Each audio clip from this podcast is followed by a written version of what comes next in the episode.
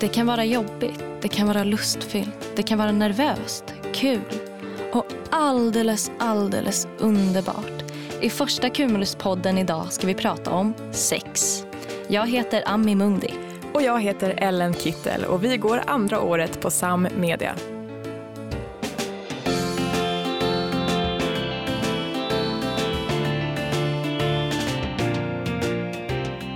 I Cumuluspodden har vi tänkt att ta upp ämnen som ni elever på OVA tycker är viktiga.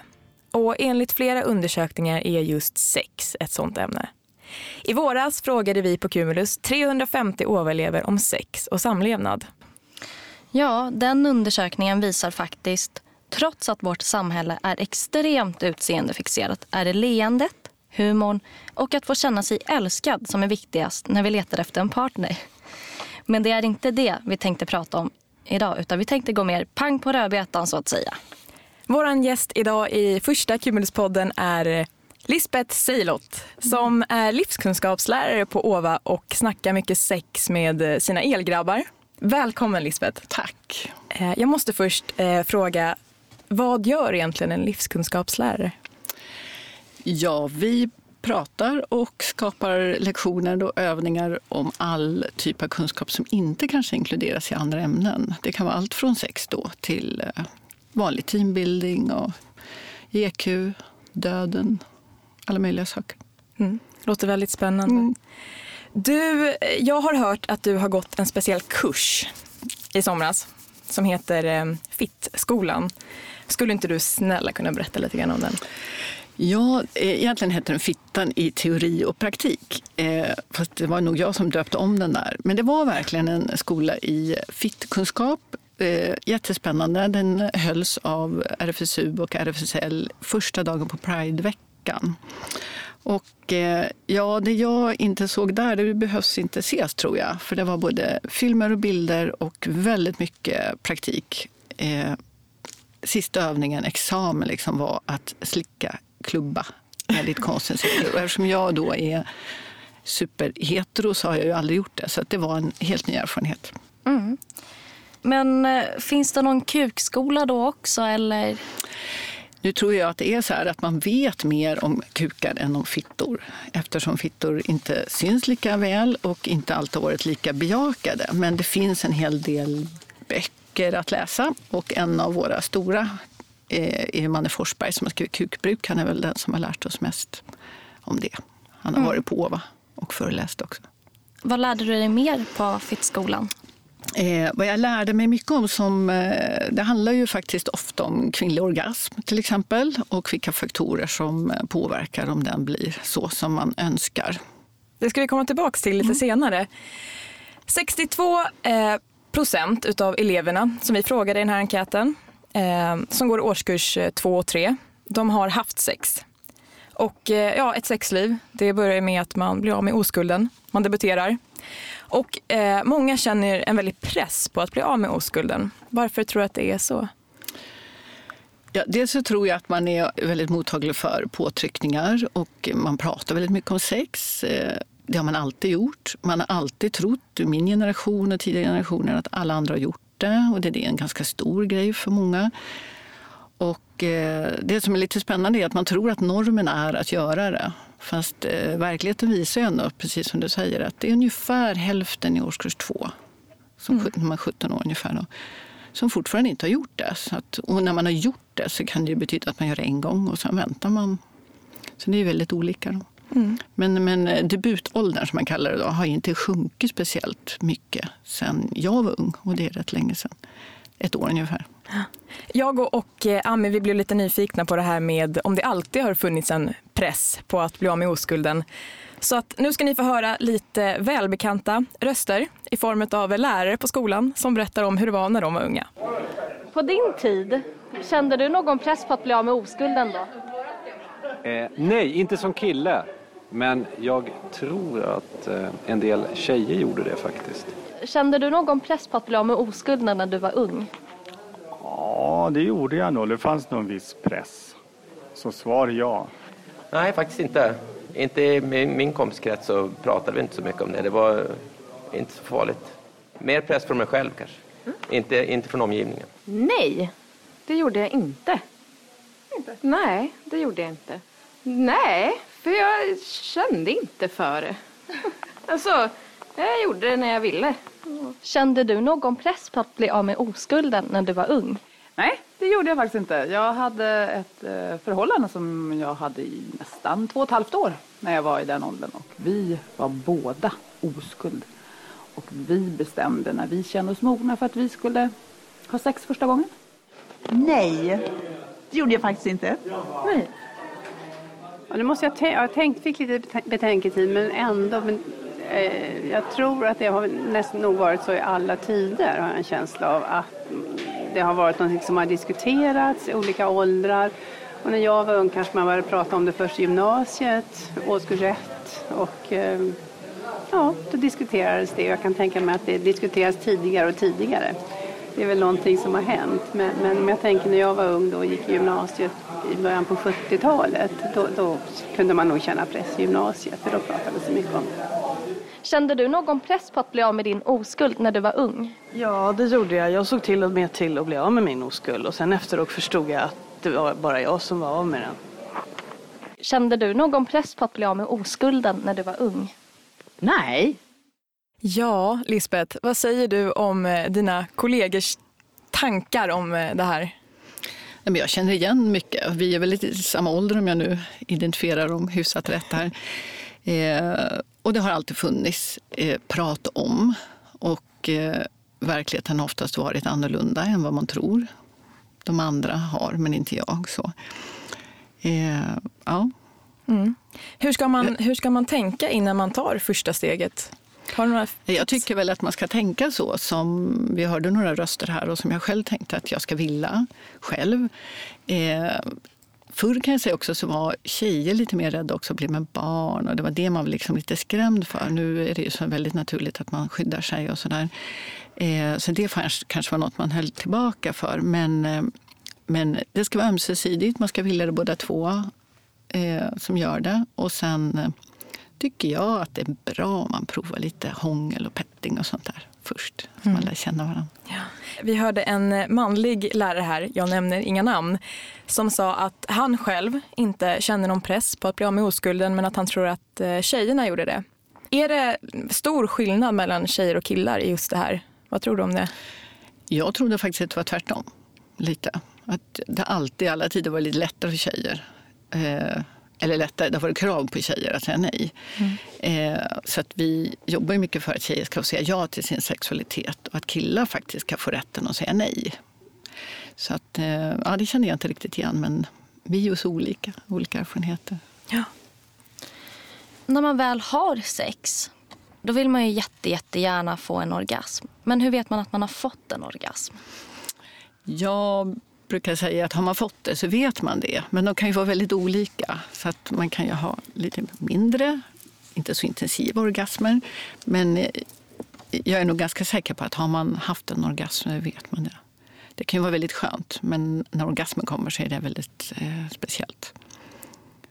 Det blir som ett klimax, mm. och så det vet man. Men går det att träna upp orgasmen så att om man mm. aldrig har fått en orgasm att man då kan träna upp på något sätt så att man får den? Hur gör man då? Eh, det, det, bästa sättet är ju att man har lärt känna sig själv så man vet vad man tycker är skönt. Eh, och där, där är ju onani ett jättebra sätt att göra det. Och, eh, och det är ju också så att de flesta kommer när man onanerar men det kanske är svårare när man är med en partner. Mm. Eh, och sen eh, eh, väldigt traditionellt så pratar man om knipövningar. Men det brukar man egentligen prata om äldre kvinnor men även unga tjejer behöver knipa för att liksom hitta de här delarna. Och sen behöver man vara avslappnad. Kanske kunna kommunicera vad man vill om man är med en partner. Hur är det med killar och knipövningar då? Men det är också jättebra. Eh, för erektionen framför allt. Eh, och du lär dig att kontrollera den bättre om du är, har koll på de där musklerna. Och, och bästa sättet att veta vilka muskler vi pratar om det är ju att, att kunna knipa av när man kissar. För då är det hela bäckenbotten som är ett nät av muskulatur där. Som, eh, som man identifierar då. Och, och, man gör det genom att andas in, kniper, drar upp, framåt, inåt. Och sen andas man ut och slappnar av fem sekunder åt båda håll. Andas in, knip, andas ut, slappna av. Mm. Tio gånger, tre gånger om dagen. Ja. I vår lilla undersökning här som jag alltid studsar tillbaka på så visar det att eh, 6% av eleverna på OVA aldrig har fått en orgasm. Det tycker inte jag är, det är inte jätte, jättemånga som inte har fått det. Och jag tänker lite så, kan alla, kan alla få en orgasm? En sån här siffra kan ju eh, vara en siffra på både att man har försökt och inte fått men det kan ju framförallt vara så att man inte ens har gjort det. Mm. För att vi får inte glömma att det finns många som vill vänta med sex och ett sätt att liksom låta sin sexdrift vila så att säga, det är ju att inte ens onanera. Ja, exakt. Så. Men eh, alla kan få orgasm, säger man, men det kan vara svårt. Och eh, om man tittar tillbaka, bara 30 år tillbaka, så var det väldigt många kvinnor, om man frågar äldre kvinnor, väldigt många som inte hade någonsin haft en orgasm. Men idag så är det nere i 6 procent om man frågar 70-åriga damer. Mm. Så att visst är det något vi kan träna och lära oss vad vi tycker är skönt. Helt enkelt. Det handlar om det. Ja, och du sa här precis att um, det kan vara lättare att uh, få en orgasm om man onanerar. Men eh, är, det, är det någon skillnad på själva känslan som man upplever när man onanerar eller när man har sex med en partner? Eh, man brukar skilja på klitorisorgasm och ofta är det väl så att man stimulerar klitoris, som man nu är tjej då. Klitoris eller ollonet när man onanerar, det är ju enklast och det blir väldigt intensiva orgasmer. Eh, får man vaginala orgasmer så är de oftare diffusa. Eh, jag brukar kalla dem lite bredare, men det är lite en annan känsla. Och eh, sen kan man ha såna här G-punktsorgasmer. Och de blir också lite annorlunda. Lite diffusare, lite djupare och oftare eller kanske lite mer psykologiskt tillfredsställande. Mm. Så att eh, man kan ha väldigt olika orgasmer. Eh, men det säkra kortet är ju klitoris och ollon. Där sitter de flesta nervcellerna. Men finns det något speciellt sätt man ska smeka eller någon sexställning eller någonting som gör att man kan få eh, man brukar rekommendera några sexställningar om det handlar om, för det är ju oftast kvinnor som har svårare att få orgasm. Det, det blir lite naturligt så eftersom vid samlag till exempel, eh, eller när killar, eller när killar har sex med varandra så vet de ungefär hur det är. De känner ju till varandras eh, möjligheter.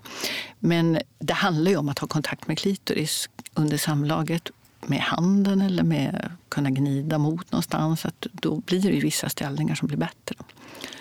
Och en sån som man brukar prata om är ju den här skeden där eh, partnern kan ligga med, om det nu är man och kvinna, då, eh, använda handen på klitoris samtidigt som man är inne eh, lite bakifrån. Då, då.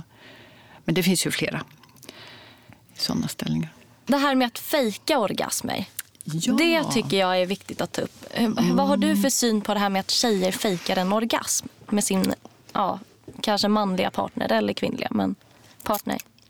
Det har man pratat om många år också. Och eh, jag tror att det helt enkelt ligger i det här prestationskraven man har. Att det, eh, Eh, och att man inte har kommunicerat. Det är inte bra och det blir väldigt svårt att få det att komma om det inte känns jättebra. Det är ju så. Och, och det är svårare och svårare ju längre tiden går att säga du, jag har aldrig gillat det där. Alltså jag tycker inte om när du gör det där. Och risken är ju då att för att göra den andra glad så fejkar jag till det på slutet där och känner, ja men gud, så vi slutar någon gång. Så eh, jag tror att det är det som är, i alla fall vad jag uppfattat, det är grundorsaken till det. Så där ska väl, precis som vi pratade om innan, tjejer ska säga ja till sex på sina villkor och vara tydlig med vad man vill ha. Och också ta ansvar för sin egen njutning. Ja, och sen så undrar jag, är det någon skillnad mellan tjejers och killars orgasmer? Egentligen inte. Eh, det har gjorts sådana undersökningar där man har liksom fått med ord beskriva Eh, för någon sexolog och psykolog. Liksom, hur, vad är det du upplever? Så egentligen själva beskrivningen av orgasm är inte så stor skillnad. Men däremot så kan ju både killar och tjejer, män och kvinnor då, ha olika orgasmer vid olika tillfällen. Ibland kan det vara som att äta en cheeseburgare i bilen när man är jättehungrig och ibland kan det vara som en häftig trerättersmiddag med så perfekt stämning och allting. Mm. Du eh, nämnde tidigare att det var lättare för killar att få orgasm. Men får killar en orgasm varje gång de får utlösning? Eller? Oftast får de det, men de kan faktiskt både ha orgasm utan utlösning och utlösning utan orgasm. Och det senare där, det är ju då ibland man säger oj hoppsan, oj har jag redan kommit? Det är knappt så det kändes. Så så kan det vara också. Men allra oftast är det ju samtidigt. När vi, när vi ändå är inne på det här med eh, killar, mm. så jag tror att både jag och Ami också har en bild av att eh, många killar oroar sig väldigt mycket för eh, storleken mm. på sin snopp. Har jag rätt? Ja, det stämmer nog. I alla fall har jag under mina tio år fått in mest frågor om det. Är jag normal? Hur stor ska, är normalt? Olle Waller har fått det och alla såna sexlådor får det. Så det är något man tänker på. Eh, och eh, då kan man säga att alla är normala. Det finns ingen onormal storlek. Men har, men har storleken någon betydelse? För, endast för den som just tänder på en viss storlek. Eh, men för orgasmen har det ju inte det. Därför att det är ju inte slidorgasmen som är den vanligaste. Det är ganska långt därifrån. Man säger att 70 procent av alla kvinnor och tjejer får inte orgasm med vanlig penetrering ut och in. Så det, det, har inte så stor betydelse. Nej, det var skönt för alla killar. Ska ni tänka på. Ja. Om man nu inte vill ha sex. För i vår undersökning på OVA så visade det sig att hela 30 procent som hade haft sex ångrade sig efteråt. Mm. Och hur gör man då för att säga nej? Mm, för, först skulle jag vilja kommentera den siffran, om jag får. Mm. Eh, därför att det här att man ångrar sig eh, det, det, det, kanske inte betyder att man inte ville, men när, när, det inte blev bra så känner man att man inte uppnådde någonting. Man kanske hade förväntningar eller omgivningens förväntningar att det ska vara på ett speciellt sätt. Och Det tror jag kan begränsa ibland. Det gör inte så mycket. Ibland är det som jag sa, en kanske dålig cheeseburgare i en, en bil som bara mättar hungern lite grann och sen längtar man till nästa. Eh, det blir inte alltid bra. Men det kan också vara så att jag kände mig tjata till sex eller till och med tvingad till sex. Och att jag ångrar mig det. Så jag tror den där siffran täcker in alla de varianterna. Och där kan man ju då säga att det är ju jätteviktigt att man säger nej när man inte vill. Och det gäller ju både killar och tjejer. Och som jag uppfattar det så kan det vara så att tjejer säger ja ibland för att inte såra killen. Han vill jättegärna. Det gäller ju i alla partnersammanhang att den ena kan vilja mer och den andra mindre och så ställer den ena upp oavsett om det är kille eller tjej menar jag. Eh, I det andra fallet kan det handla om att killar kan känna stor press. Att jag ska alltid vara redo, jag ska alltid vilja ha sex. Så det kan vara svårare till och med att säga nej för en kille. Och tjejer tolkar ofta ett nej som att det är jag som inte är attraktiv, det är jag som inte är sexig nog. Eller varför vill han inte eller hon inte med mig? Så jag tror tjejer ofta tolkar det så. Men det viktiga är att kunna säga nej. Jättekul, vi har haft jättemysigt, men nej, här säger jag nej. Och även om man har börjat, hånglar och tycker det är jättemysigt ett tag. Sen känner man nej. Det är aldrig för sent att säga nej. Men hur kommer det sig att tjejer kan ta så illa upp av att en kille nekar att ha sex med en? Kan det vara att vi oftare tänker utseende, jag ska vara sexig, att vi signaleras det från samhället, media, allt som vi får till oss är att vi ska vara attraktiva, och så vidare. Och är det någon som säger nej till mig, eller sex då, så säger man nej till mig som person. Så i det fallet blandar man ihop vad jag är och med vad vi inte gjorde. Mm. Om man nu säger ja till att ligga, då är det ju skillnad på hur tjejers och killars ligg uppfattas. Det är ju det här klassiska att tjejer som har sex med flera olika partners uppfattas som slampor medan killar blir någon form av kungar Mm. Våran, eh, våran undersökning visar att eh, nästan 80 procent av alla tjejer som svarade skulle eh, inte erkänna att de hade legat med eh, fler än tio personer. Medan eh, för killarna så var det precis tvärtom. Mm. Och det tror jag lite går tillbaka till det att killar oftare eh, också känner press på att ha gjort det och haft många mycket erfarenhet. Men det har också legat en press på killar i många år att killar ska kunna tillfredsställa både sig själva och en, en kvinna eller sin partner. Eh, nu svänger ju det där lite, att man uppmanar tjejer och kvinnor att ta ansvar för sin egen orgasm och sin egen njutning. Så att det tar tid att förändra saker. Men, men ja, det är ju en genusfråga det här. Mm. Att tjejer ska säga ja till sin sexualitet och sin njutning men kunna säga nej när man inte vill. Medan män kanske också, och killar, ska kunna säga nej utan att verka... Ja, att det blir, känns konstigt och någon ska till upp. Liksom. Vad tror du att vi skulle kunna göra för att få en liten ändring på det här?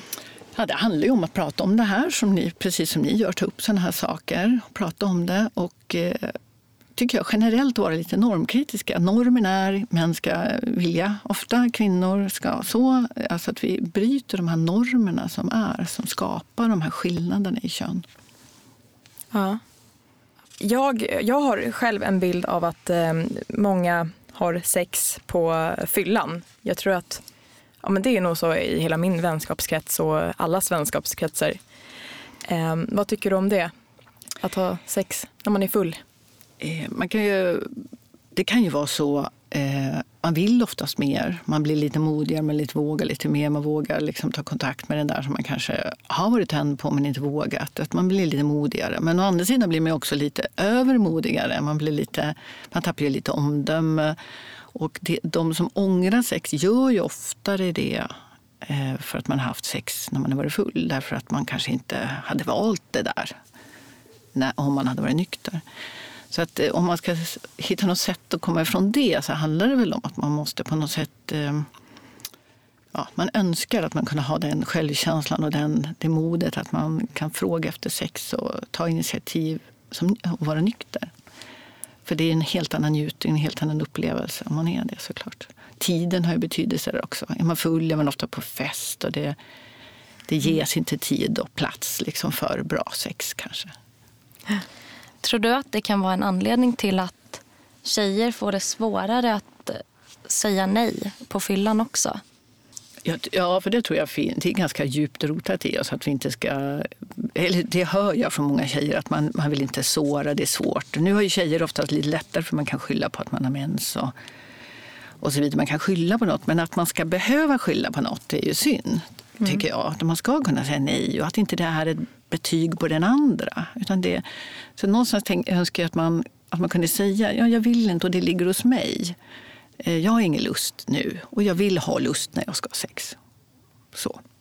Vi pratade igår om, du hade några bra tips där, vad man kunde göra om man, eh, om man, eh, om man är i ett förhållande Ja, eh, man kan ju faktiskt träna, och det kan man ju göra faktiskt innan man är i ett förhållande. Man kan ju träna på att kommunicera vad jag tycker om och vad jag vill.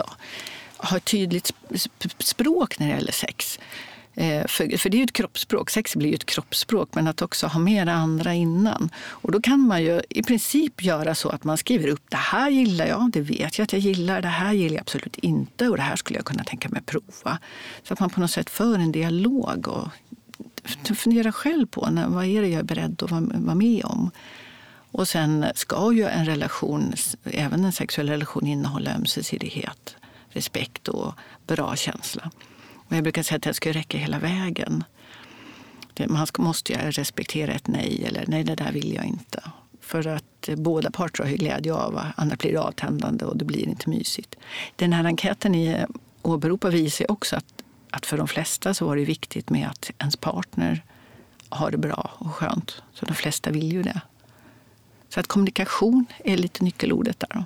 Men hur gör man för att kunna få en bra kommunikation? Man tränar. Ja. Det är helt enkelt så. Och vara, vara öppna med att varandra? Öppna. Ja, man måste göra det. Det är ju en träningssak naturligtvis, att vara öppen och säga vad jag känner. Jobba mycket med att eh, uttrycka vad jag känner. Sen har jag tänkt på en annan sak, att man, när man, man pratar om upplevelser man har haft med andra så pratar man oftast om vad den andra gjorde och inte gjorde som inte var bra och var bra. Men att äh, ha det här jag-budskapet, att jag känner, jag vill, jag önskar. Åh, det där var skönt. Även i stunden kan man säga, åh, det där tycker jag jättemycket om när du gör. Eller, att, nej, nej, nej, det inte det där. Så, så att man kan kommunicera mm. även under akt, liksom, när man har sex. Och kanske att om man inte, om man inte kan kommunicera med sin partner, mm. då kanske det inte är en jättebra partner. partner. Nej, precis. Exakt. Bra kontenta. Ja, och sen slutligen Lisbeth. Har du några bra handfasta råd för att få ett bra sexliv? Det är väl, och det vill jag gärna upprepa, det handlar om ömsesidighet, självklart. ömsesidig kommunikation och det är aldrig för sent att säga nej. Och då ska man ju tänka på då att att flirta betyder inte att jag vill ha sex automatik. Eh, att säga ja till en sorts sex betyder inte naturligt att jag vill ha någon annan sorts sex, utan jag måste kunna säga nej till något annat. Eh, att ha sex i en dag betyder inte att jag alltid vill ha det med dig. Så. Eh, och ett nej är ett nej. Och lyhördhet och, och det som jag liksom brinner för, det här med EQ som handlar om kommunikation och miljöbudskap, gäller även när det gäller sex. Att, att vara lyhörd för den andra, för det märks ju väldigt väl i en kropp när det är skönt och inte skönt. Att man är lyhörd. Och då måste man ha tid. Ja, tack så jätte, jättemycket Lisbeth för att du kom hit idag. Mycket bra saker att säga och vad härligt att du verkligen jobbar med det här. Mm. Och hörni, alla kära ovaiter, glöm inte att använda kondom. Jag vet, man låter som en gammal tjatig kärring när man säger det, men eh, faktiskt, det är viktigt. Ni kan eh, fylla på kondomförrådet mm. gratis nere hos eh, Sabine och Elisabeth. Och om det mot förmodan är så att ni glömmer kondomen så kan ni också testa er mot klamydia där. Mm. Cumuluspodden är slut för denna gång. I nästa poddprogram ska vi prata om psykisk hälsa och ohälsa. Alltså hur vi elever ska göra för att må så bra som möjligt. Har du synpunkter på dagens program eller har idéer på ämnen som vi ska ta upp? Gå in på cumulusava.com och kommentera. Jättetack till vår tekniker Daniel Högberg. Eh, Cumuluspodden görs i samarbete med SMT Radio. Tack så mycket för att ni har lyssnat. Vi hörs. Hej då! Hej då!